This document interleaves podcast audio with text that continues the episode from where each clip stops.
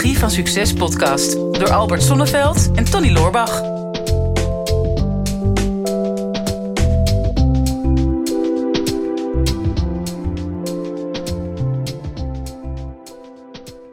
Tony, als jij nou de keuze hebt om uh, jezelf te vergelijken in de spiegel of in, te vergelijken in een gezelschap, waar zou je dan voor kiezen? Dit duurt wel heel lang. Dit. Ja, ik probeer het even voor me zien te vergelijken in een spiegel. Maar uh, uh, ja, gezelschap, denk ik. Toch wel? Ja, ja dat komt vaak beter uit. Ja. ja, blijkbaar heb je toch wel een heel uh, sterk oordeel over jezelf. Maar mm. veel mensen doen dat, hè, het vergelijken met anderen. We hebben daar ook een vraag over gekregen, volgens mij. Ja, ja oh, ik dacht, er komt een hele intro eerst. Maar dan pak ik ja. hem er even bij. Nee, een vraag van Deborah. Dag Albert en Tony. Kunnen jullie eens iets doen rondom dit onderwerp? Hoe ga je om met mensen die zich constant vergelijken? En hoe zorg je ervoor dat je daar niet in meegaat om jezelf te vergelijken? Dus ja, waarom is het zo verleidelijk om jezelf te vergelijken met anderen? Ja, en Deborah, nou vraag je het aan ons, maar dan ga je jezelf ook weer vergelijken met ons. Ja, precies. Wat vinden jullie hier eigenlijk helpt. van? Ik weet niet of dat helpt, Deborah, maar goed. Uh, ja, ik hoop dat wij daar een beetje wijs advies over kunnen geven, Tony. Ja, we hebben, het, we hebben het wel eens eerder over gehad. Uh, verschillende podcasten natuurlijk. Hè, hoe, uh, ja, hoe, hoe, destructief het kan zijn om jezelf te vergelijken met anderen. Hè. De ja. vorige podcast hebben we natuurlijk wel een beetje de vijand van je zelfactualisatie genoemd. Op het hmm. moment dat je garantie wil hebben dat je zelf ongelukkig door het leven gaat, probeer je dan constant te vergelijken met andere mensen. En dat, dat zit natuurlijk vaak een beetje aan, aan de kant van dat dat negatief voor je is. Maar het is natuurlijk niet voor niks dat mensen zich graag met andere mensen vergelijken. Of dat jij je van nature met andere mensen vergelijkt. Want mensen zijn nou eenmaal groepsdieren, ja. kuddedieren. En, en, en vanuit onze diepste kern is dat ook gewoon belangrijk voor onze overleving. Hè? Om in een, in een groep te passen. En, en je past natuurlijk alleen maar in een groep als je je kan vergelijken met die groep. Om te zien wat er van jou wordt verwacht. Dus het is niet per se altijd alleen maar negatief. Nee, dat je zeker niet. Met anderen. Nee, er zijn heel veel voordelen, vind ja. ik zelf. He, sowieso ja, weet je hoe je je moet verhouden ten opzichte van de groep. Dat is, dat is sowieso wat jij al zegt. Maar ja, het, het kan ook enorm motiveren, bijvoorbeeld. Ja. He, ik, ik heb ook wel, uh, ja, ik noem wat, en dat kan op, op allerlei vlak. Maar goh, ik ben uh, gisteren bij iemand wezen eten en die had een fantastische lunch gemaakt met allerlei uh, heerlijke gezonde hapjes. En daar ben ik nogal van. Mm -hmm. En toen dacht ik, wow, dat is een goed idee, dat ga ik ook doen. Dus, en het motiveerde me meteen om vanaf dat moment alweer meer gezondere lunches te maken. Want lunch was voor mij altijd een beetje een ingewikkeld ding. Ontbijt snap ik wel, als, wanneer ik ontbijt he, en niet intermittent fast. En avondeten kan ik ook nog wel bedenken. Maar die vergelijking vond ik al, vond ik al super. Mm -hmm. En uh, dus, dus dat is al mooi. Of een sportprestatie, dat je ook denkt of... Uh, wauw, ik, ik ga die prestatie ook neerzetten. Mm -hmm. Dus dat, dat zijn echt, wat mij betreft... hele gezonde, motiverende vergelijkingen... die je dan kunt uh, ja. trekken. Nou, maar dat is de, volgens mij in de psychologie heet dat de, de social comparison uh, ja. theory. Ja. En dat gaat eigenlijk over jezelf twee kanten op vergelijken. Omhoog vergelijken en omlaag vergelijken. en in jezelf omhoog vergelijken is heel positief. Hè? Want dat is gewoon een voorbeeld nemen aan iemand. Of um, jezelf verbeteren omdat je geïnspireerd raakt door een, door een ander. En dan zou je het eigenlijk ook afkijken kunnen noemen in plaats van vergelijken. En natuurlijk, op het moment dat jij iemand ziet die iets beter doet dan jij en je raakt geïnspireerd, natuurlijk hoort daar ook wel bij dat je jezelf even iets minder trots bent op jezelf. Dat is eigenlijk een klein beetje negatief, maar meestal um, geeft het je alsnog een positief gevoel dat je aan jezelf gaat werken. Maar jezelf omlaag vergelijken, en dat gebeurt helaas iets te veel in de moderne, moderne mm. tijd, meer dan, dan vroeger. Um, dat is iets waar je brein niet zo, zo mee overweg kan. Hè? Kijk, als je duizenden jaren terug in de tijd gaat, um, mensen zijn natuurlijk niet zo heel veel veranderd. Uh, op het moment dat jij in een maatschappij leeft met veel minder mensen, dan zijn er van de verschillende disciplines in een sociale omgeving zijn er ook veel minder mensen. Hè? Dus we zijn uh, met een uh, clubje bij elkaar gaan zitten op een stukje land waarvan wij dachten van nou, je zal waarschijnlijk droog blijven en niet al te koud. En we hebben één iemand die is goed in jagen, en één iemand is goed in timmeren, en ja. één iemand is goed in naaien. Of nou, iedereen, anders zou het uitsterven. maar er zijn dan niet zo heel veel verschillende disciplines die heel druk bezet zijn. Maar er zijn nu natuurlijk veel meer mensen. Dus gewoon op bijna alles wat jij in je leven doet, er is altijd wel iemand in je omgeving die minstens net zo goed is daarin of die dat, die dat beter kan. Ja. En dan zitten we ook nog eens met onze mobiele telefoons constant in een veel grotere sociale omgeving dan dat we vroeger met z'n allen rondom het kampvuur zaten. En je bent via je telefoon ben je altijd omringd met, met duizenden mensen. En niet zomaar gemiddelde mensen, maar mensen die het beste stuk uit hun leven naar voren brengen. En vaak de meest beroemde mensen ter wereld, dat, dat is vaak jouw sociale omgeving. En dat is waar je je mee vergelijkt. En dat, en dat is jezelf omlaag vergelijken door constant te kijken naar... ja, maar ja, die ziet er mooier uit dan ik. Hè? Die eh, heeft een eh, fijner leven dan ik. Die heeft meer, meer geld dan ik. En dan ben je minder tevreden met wat je hebt. Ja. En dan is het heel destructief. Ja, dus dan zit je met je mobiele kampvuur. Ja. en je, leg hem even tussen ons in. Ja, leg hem even, ja, ja lekker, alleen. Ja, lekker, lekker warm aan het, uh, aan het mobiele kampvuur. Ja. Oh jee, man. Ja, dus eigenlijk een van de eerste tips is al van vergelijk jezelf niet omhoog, maar kijk meer om je heen dan. Dus dat je al sowieso in een gelijkwaardige groep bent. Want dat is natuurlijk ook zo. Uh, je hebt een groep mensen om je heen verzameld, bewust of onbewust. Maar daar voel jij je op een bepaalde manier comfortabel in. Mm dat wel. Dus je hebt al zoiets van, nou ja, die wil ik absoluut niet in mijn vriendenkring of mijn sociale eh, kring. Uh, en, en die wil ik er zeker wel bij hebben. Mhm. En daar maak je een onderscheid. Ja. Eén probleem, familie. Hè? Uh, ja, daar, daar kun je geluk mee hebben. ja, vaak zit je er wel een soort van aan vast, omdat het nou eenmaal familie is. Mhm. Maar voor de rest heb je al best wel veel invloed met sowieso met de directe mensen live om je heen waar je mee zou willen vergelijken. Mhm. Heb je ook nog collega's? Mm Dat is alweer een hoofdstuk apart. Want eigenlijk binnen een aantal weken ja, settle jij je in een groep. En dat is ook wel interessant bij, bij het bedrijfsleven. Als er iemand nieuw binnenkomt in een organisatie, uh, profit of non-profit, ja, die is nog helemaal nieuw ja, die wordt vaak door de groep vergeleken. Hè, van, nou ja, misschien kun je nog waardevolle input leveren hm. aan deze organisatie. Want wij zitten al een beetje vastgeroest. Wij zijn al een beetje klaar met vergelijken. We zien niet zoveel verschillen meer, alleen nog maar overeenkomsten. En dan zo iemand nieuw kan juist ook helpen met vergelijken. Zeggen van ja, ja, ik kom uit een andere organisatie en daar deden we het altijd zo. Misschien zouden we dat hier ook eens kunnen doen. Ja. Maar als die ruimte er niet is, dan wordt die nieuwe persoon heel snel platgeslagen, letterlijk en figuurlijk.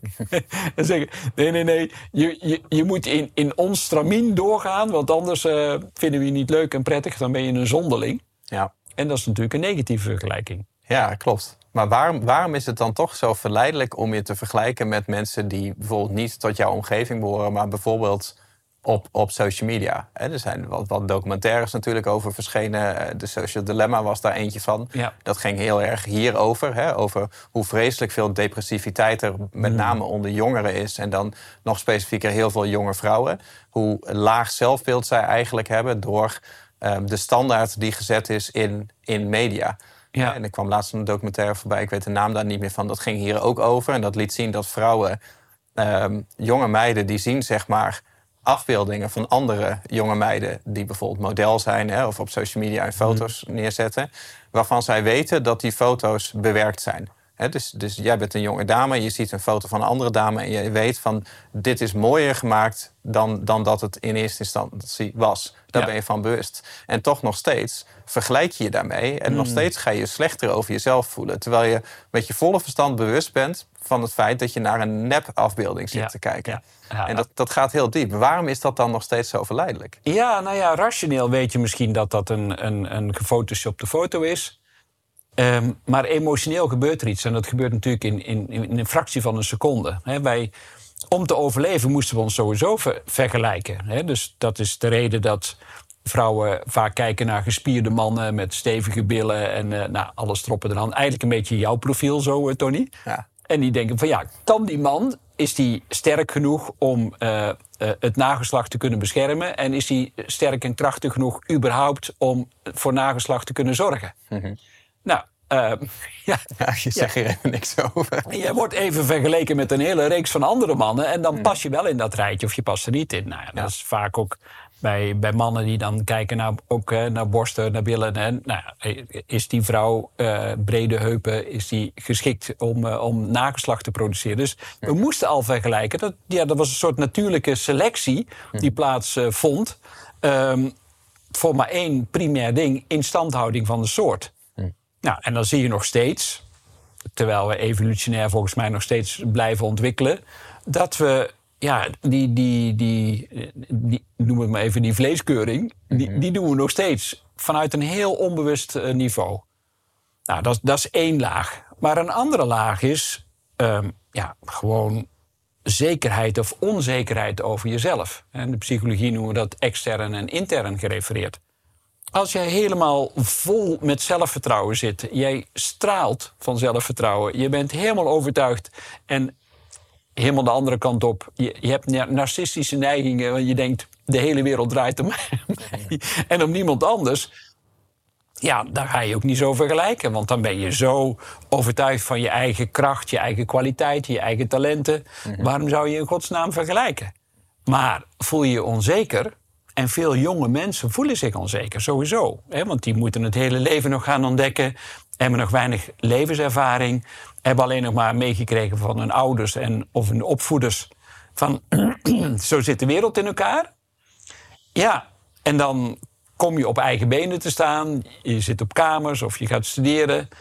Ja, maar je moet de wereld eigenlijk nog gaan ontdekken. En die onzekerheid die neem je dan mee. En het eerste wat je doet is dat direct vergelijken met je peergroep. Ja. Maar ja, die peergroep die is nu steeds groter geworden. Uh, met name door social media. Maar dat is wel de belangrijkste reden. Ja, maar, maar, de, maar, de, kern is denk ik nog steeds dat... Uh, vroeger hadden we waarschijnlijk, uh, in ieder geval als man zijnde... dan kan ik dan voor spreken voldoende aan, uh, aan een flink stel spieren. Ja. En, en we weten natuurlijk ook heus wel dat dat in de moderne maatschappij... niet meer voldoende is om de meest aantrekkelijke in de groep te zijn. Nee. dus, dus, dus je kijkt automatisch naar wat is de standaard... en hoe kan ik mezelf aantrekkelijk maken. En als je jong bent, dan heb je nog veel meer urgentie om jezelf aantrekkelijk te maken voor jouw omgeving. Ja. En dat heeft natuurlijk met uiterlijk te maken, maar ook met wat je doet, ook met je uitstraling, maar bijvoorbeeld ook met, met, bijvoorbeeld met je bankrekening. Dat, dat is ook iets. En eh, ik las daar laatst iets over, over het principe van rijkdom. Dat ging met name over mannen. Uh, dat uh, mannen niet per se de behoefte hebben om rijk te worden, maar dat ze met name de behoefte hebben om rijker te worden dan andere mannen. Oh ja. En uh, dat is ook wel, het zit een beetje al in het woord, rijkdom, zeg ja. maar. ja. omdat, omdat gewoon het, het nastreven van, van rijk zijn is, is een domheid op zichzelf. Hè? Het, het, het, het, impliceert een bepaalde onwetendheid, dat dat een, eindeloze, uh, een eindeloos proces is wat nooit stopt. Want mm uh, ik heb dat persoonlijk zelf ook wel ervaren. Dat ik ook wel gemotiveerd ben geweest in het verleden. En, en zelfs nog steeds vaak wel. Met het, met het, met het verkrijgen van meer rijkdom.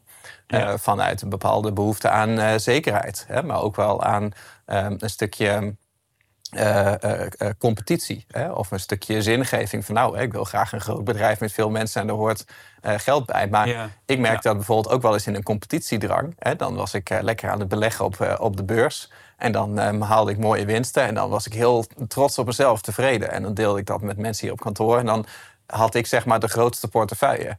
Maar dan sprak ik een goede vriend van ons, uh, Damian. En die deed dan wat ik ook deed, maar dan tien keer zo groot. En dan had ik een dag, dan had ik uh, zoveel euro winst op een dag op de beurs. En dan had hij hetzelfde met dan een nulletje erachter. Mhm. En dan was ik niet meer zo tevreden over mezelf. Nee, nee. Dus dan, dan voelde ik me ineens best wel een loser. En, en het was mezelf omhoog vergelijken in dit geval. Want het heeft er bij mij voor gezorgd dat ik dat extreem ben gaan ontwikkelen. Dat ik groter ben gaan denken. En dat vind ik heel gaaf dat, dat ik dat daar heb geleerd. Nog afgezien van de muntjes die eruit zijn gekomen. Maar de motivatie was natuurlijk een, vanuit een vergelijking. Ja, hè? Van ik wil, hoef niet per se rijker te worden, maar ik zou graag rijker dan jou willen worden. En dan ben ik weer, dan ben ik weer tevreden. Wonderlijk hè, hoe dat werkt. Ja, ja het, het, het zijn hele mooie mechanismes, omdat op een bepaalde manier stimuleren ze ook tot groei. En, en, en je wil ook groeien en je wil jezelf ook ontwikkelen. Dus in die zin is het goed om te vergelijken. Maar op het moment dat er een bepaalde angst bij komt kijken. Dat is denk ik wel um, een belangrijk moment dat je gaat denken: oké, maar waar wil ik me in gaan begrenzen? Dat is ook alweer een van de tips. Is uiteindelijk, en dat weet je, je zult altijd mensen boven je hebben, je zult ook altijd mensen hebben onder je. Uh, een van de ondernemers die ik begeleid, uh, die heeft het had een beetje hetzelfde probleem. Die zegt ja, ik, ik ben nu vooral omringd met mensen die nog rijker zijn uh, dan mij. En daar voel ik me een beetje onzeker over. Ja, ik zeg ja, maar de andere kant is ook de realiteit. Je hoort waarschijnlijk bij de 2% van de wereldbevolking die net zoveel geld hebben dan jij. Mm. en, en de rest zit er allemaal onder. Dus 98% die, die zit naar jou te kijken. Wanneer is het voldoende? Dus leer wel begrenzen. Op een bepaalde vorm van realiteit is geluk is dat je vooral ook dankbaar bent voor wat je wel hebt. En, en vergelijken is vooral kijken wat je niet hebt. Ja, ja nou, daar zit, daar zit inderdaad een stukje, een stukje dankbaarheid in. Maar ook wel de realisatie, denk ik, of het nou om geld gaat of om andere dingen, dat zeg maar ehm, dat het nastreven van iets, ehm, dat er niet een einde aankomt. Nee. Van wanneer is genoeg genoeg, dat, dat punt komt niet. We hebben het in de vorige podcast wel eens het, het najagen van een regenboog genoemd. van op een afstandje ziet het er dan heel aantrekkelijk uit. Maar tegen de tijd dat jij daar bent waar je wilde komen, dan is die regenboog daar niet meer. Dan heeft hij zich al verplaatst. Ja. Dus, dus je, je komt daar nooit. En je, je, je bent al niet meer tevreden met wat je hebt op het moment dat je het eh, bereikt. Omdat je alweer in je hoofd alweer verder bent naar, naar het volgende. Ik zag dat in. Ehm, ja, jij bent niet zo'n televisiekijker, hè? Maar de serie The Tudors, ken je dat toevallig? Nee, nou, het gaat over uh, uh, Henry VIII van, uh, van, van Engeland. Hè? Bekend om zijn, zijn vele, vele huwelijken en ja. de vele vrouwen die hij heeft laten, laten onthoofden. Um, dat, dat is een serie en dat gaat eigenlijk ook om het machtsspel van... Hè, we hebben de koning, en er zitten een aantal edelen daaromheen. Nou, die komen en die gaan. Sommigen die komen heel dichtbij en die komen net even iets te dichtbij. En dan gaat de kop eraf en dan komt er weer een vacature. En het is eigenlijk een constant schaakspel van al die mensen eromheen. Van hoe kan ik zo dicht mogelijk bijkomen? Hoe kan ik zoveel mogelijk titels krijgen? Zoveel mogelijk geld, zoveel mogelijk land, zoveel mogelijk erkenning. Mm. En, en helemaal in het laatste seizoen is dan zeg maar de meest ambitieuze. Die eigenlijk, eh, hè, voor als de koning er straks niet meer is... van kan ik in de positie komen dat ik dan de machtigste ben. Die dan met de beste vriend van de koning eigenlijk overlegt van... ga jij mij dan bevechten of ga je mij steunen? Ja. En die beste vriend is dan ook wat ouder en die heeft het ook wel een beetje gezien. En die zegt dan uh, uh, een gezegde, een Frans gezegde... vertaald naar het Engels is... Uh, Praise the God of all, drink the wine... and let the world be the world. Zo. En met name dat laatste twee onderdelen daarvan spreekt me heel erg aan. Ja. Maar ik vond ik toen ook zo'n geruststellend principe. Hè? Als je gewoon altijd bezig bent met, met je carrière, met, met bouwen, met dingen najagen. Dat je op een gegeven moment er op een afstandje naar gaat zitten kijken, net vanuit zijn rol. Dat je denkt van ja, laat de wereld gewoon de wereld zijn. En focus je gewoon alleen maar op wat, wat jij wil. Hè? In mijn geval zou dat dan ook wijn drinken zijn. Maar stop, als je stopt met het vergelijken en alleen maar datgene gaat doen wat jij belangrijk vindt in je leven, ja, dat geeft toch wel een heel verlicht leven. Ja. Nou ja, dat, hè, als je zo competitief bent, zou ik zeggen dan als tip: ga dan de competitie met jezelf aan en niet met anderen. Want ja, uh, ja, ik vind het ook altijd leuk om mezelf weer te verbeteren, om te groeien, te ontwikkelen. Uh, nieuwe dingen te leren. Weet je, dat, dat zijn voor mij de dagen met een gouden randje. Hm. Maar als ik de competitie aanga met andere mensen, ja, dat is 9 van de 10 keer kansloos. Want in feite, als ik het helemaal ga analyseren, is het nog steeds een strijd met mezelf. Van stukken van mezelf die ik nog niet geaccepteerd heb. En daar zit natuurlijk wel een heel pijnlijk stuk. Hè? Iets waarvan ik van mezelf vind dat ik nog niet goed genoeg ben. Dat wordt vaak, daar word ik door de anderen aan herinnerd. Hè? Want ik zoek dan mensen op die me dat nog eens een keer extra bevestigen. Ik geef die mensen dan de schuld, daar ga ik dan de competitie mee aan. Ik probeer dan ook beter te zijn, of ze af te troeven of af te loeven. Of op allerlei manieren probeer ik dan hè, de strijd te winnen. En maar dan realiseer ik niet dat het de strijd is in mezelf. Uiteindelijk, hoe dan ook, kom je altijd weer bij jezelf uit. En ja, woorden als mildheid, compassie, zachtheid voor jezelf. Een soort relativering, acceptatie. zijn natuurlijk allemaal hele mooie grote termen. Misschien ook een beetje van die jeuktermen. En ik, ja, wat moet ik daar nou mee? Ja. Maar uiteindelijk kom je daar wel terecht. Ik kom ook nu wel in een fase van mijn leven dat ik denk... oh, ik ben heel blij dat ik, dat ik mezelf heb kunnen vergelijken. Het heeft me enorm uitgedaagd ook om op plekken te komen in mijn leven... waar ik anders nooit was geweest zonder die vergelijking. Maar ik zie ook wel hoeveel dat het me gekost heeft. Eh, hoeveel stress dat het ook heeft gegeven. Dan weet ik al, als ik stresssignalen ervaar, dan weet ik al dat ik te veel bezig ben met de buitenwereld en te weinig met mijn binnenwereld. Mhm. Dus een van de andere tips is dan: oké, ik voel stress in mijn lijf. Of ik heb weer stressgerelateerde klachten, begint weer wat hoofdpijn te krijgen, ik slaap weer wat slechter. Ik heb op mhm. dit moment voel ik wat meer spanning in mijn onderrug. Ja, dan weet ik al ik ben me weer aan het forceren. Ik ben mezelf weer aan het wringen in een bepaald stramien waar ik niet in thuis hoor. Nou, en dan ben ik tegenwoordig heel dankbaar voor mijn lijf, die dan zegt: Albert, terug naar de tekentafel. Ga weer eens, waar gaat het nou echt om in jouw leven? Wie ben ik? En, en hoe wil ik me verhouden ten opzichte van het leven? Ja, en daar horen andere mensen bij natuurlijk. Maar hoeveel ehm, waarde geef ik ze echt? Eh, en hoeveel waarde geef ik mezelf? Ja. En inmiddels voel ik me gelijkwaardig met de wereld. En dat maakt de communicatie met... Hè, ik, ik heb best wel bijzondere personen in mijn directe omgeving... en in, in de politieke wereld en in de artiestenwereld... en in, het, in de zakenwereld.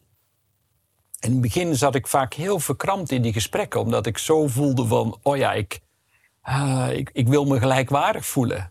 En inmiddels ben ik daar veel meer ontspannen in. Want ik merk ook dat ik iets te bieden heb wat zij niet hebben. En zij hebben vaak iets te bieden wat ik niet heb. En daar kunnen we samen uit leren. Ja, ja dus, dus dan laat je je inspireren door iets wat iemand anders heeft wat jij niet hebt of Ja. nog niet.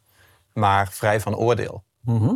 En, eh, en dan, dan, is het, dan is het niet zo heel erg om je te vergelijken met Nee. iemand anders. Zolang je maar niet het oordeel legt op jezelf dat jij nog niet goed genoeg bent omdat een ander verder is of in jouw beleving dan verder is. Ja. Nou ja, wij zijn natuurlijk wel heel benieuwd, want ons zelfbeeld hangt volledig af van jouw feedback. dus alstublieft, Wie van ons tweeën vond je beter? ja, ja, ja, ja. Zou je dat willen? Oh, dat wordt dodelijk voor onze relatie, Tony. Doe dat maar niet. Maar we vinden het wel heel fijn als je toevallig op YouTube zit te kijken. En als je dat nog niet gedaan hebt, dan zou ik dat zeker doen. Om je in ieder geval te abonneren als je dit leuk vindt. En eh, ja, je wil groeien en je wil jezelf vergelijken met ons. Dan kun je dat iedere week weer opnieuw doen met een nieuwe podcast. Dus zeker abonneren. Een duimpje, daar zijn wij ook heel blij mee. Hoe meer duimpjes, hoe, wij, hoe meer wij ons gaan vergelijken met andere succesvolle YouTubers en podcasters. Nee, we alle flauwekul. Wij vinden het gewoon heel fijn als je bij onze familie hoort. En we vinden het ook heel fijn als je psychologie van succes willen omarmen. Dat jij met ons groeit, want dat doen we uiteindelijk samen. Dus ga snel even naar YouTube. Een duimpje, daar zijn we blij mee. En graag tot de volgende keer.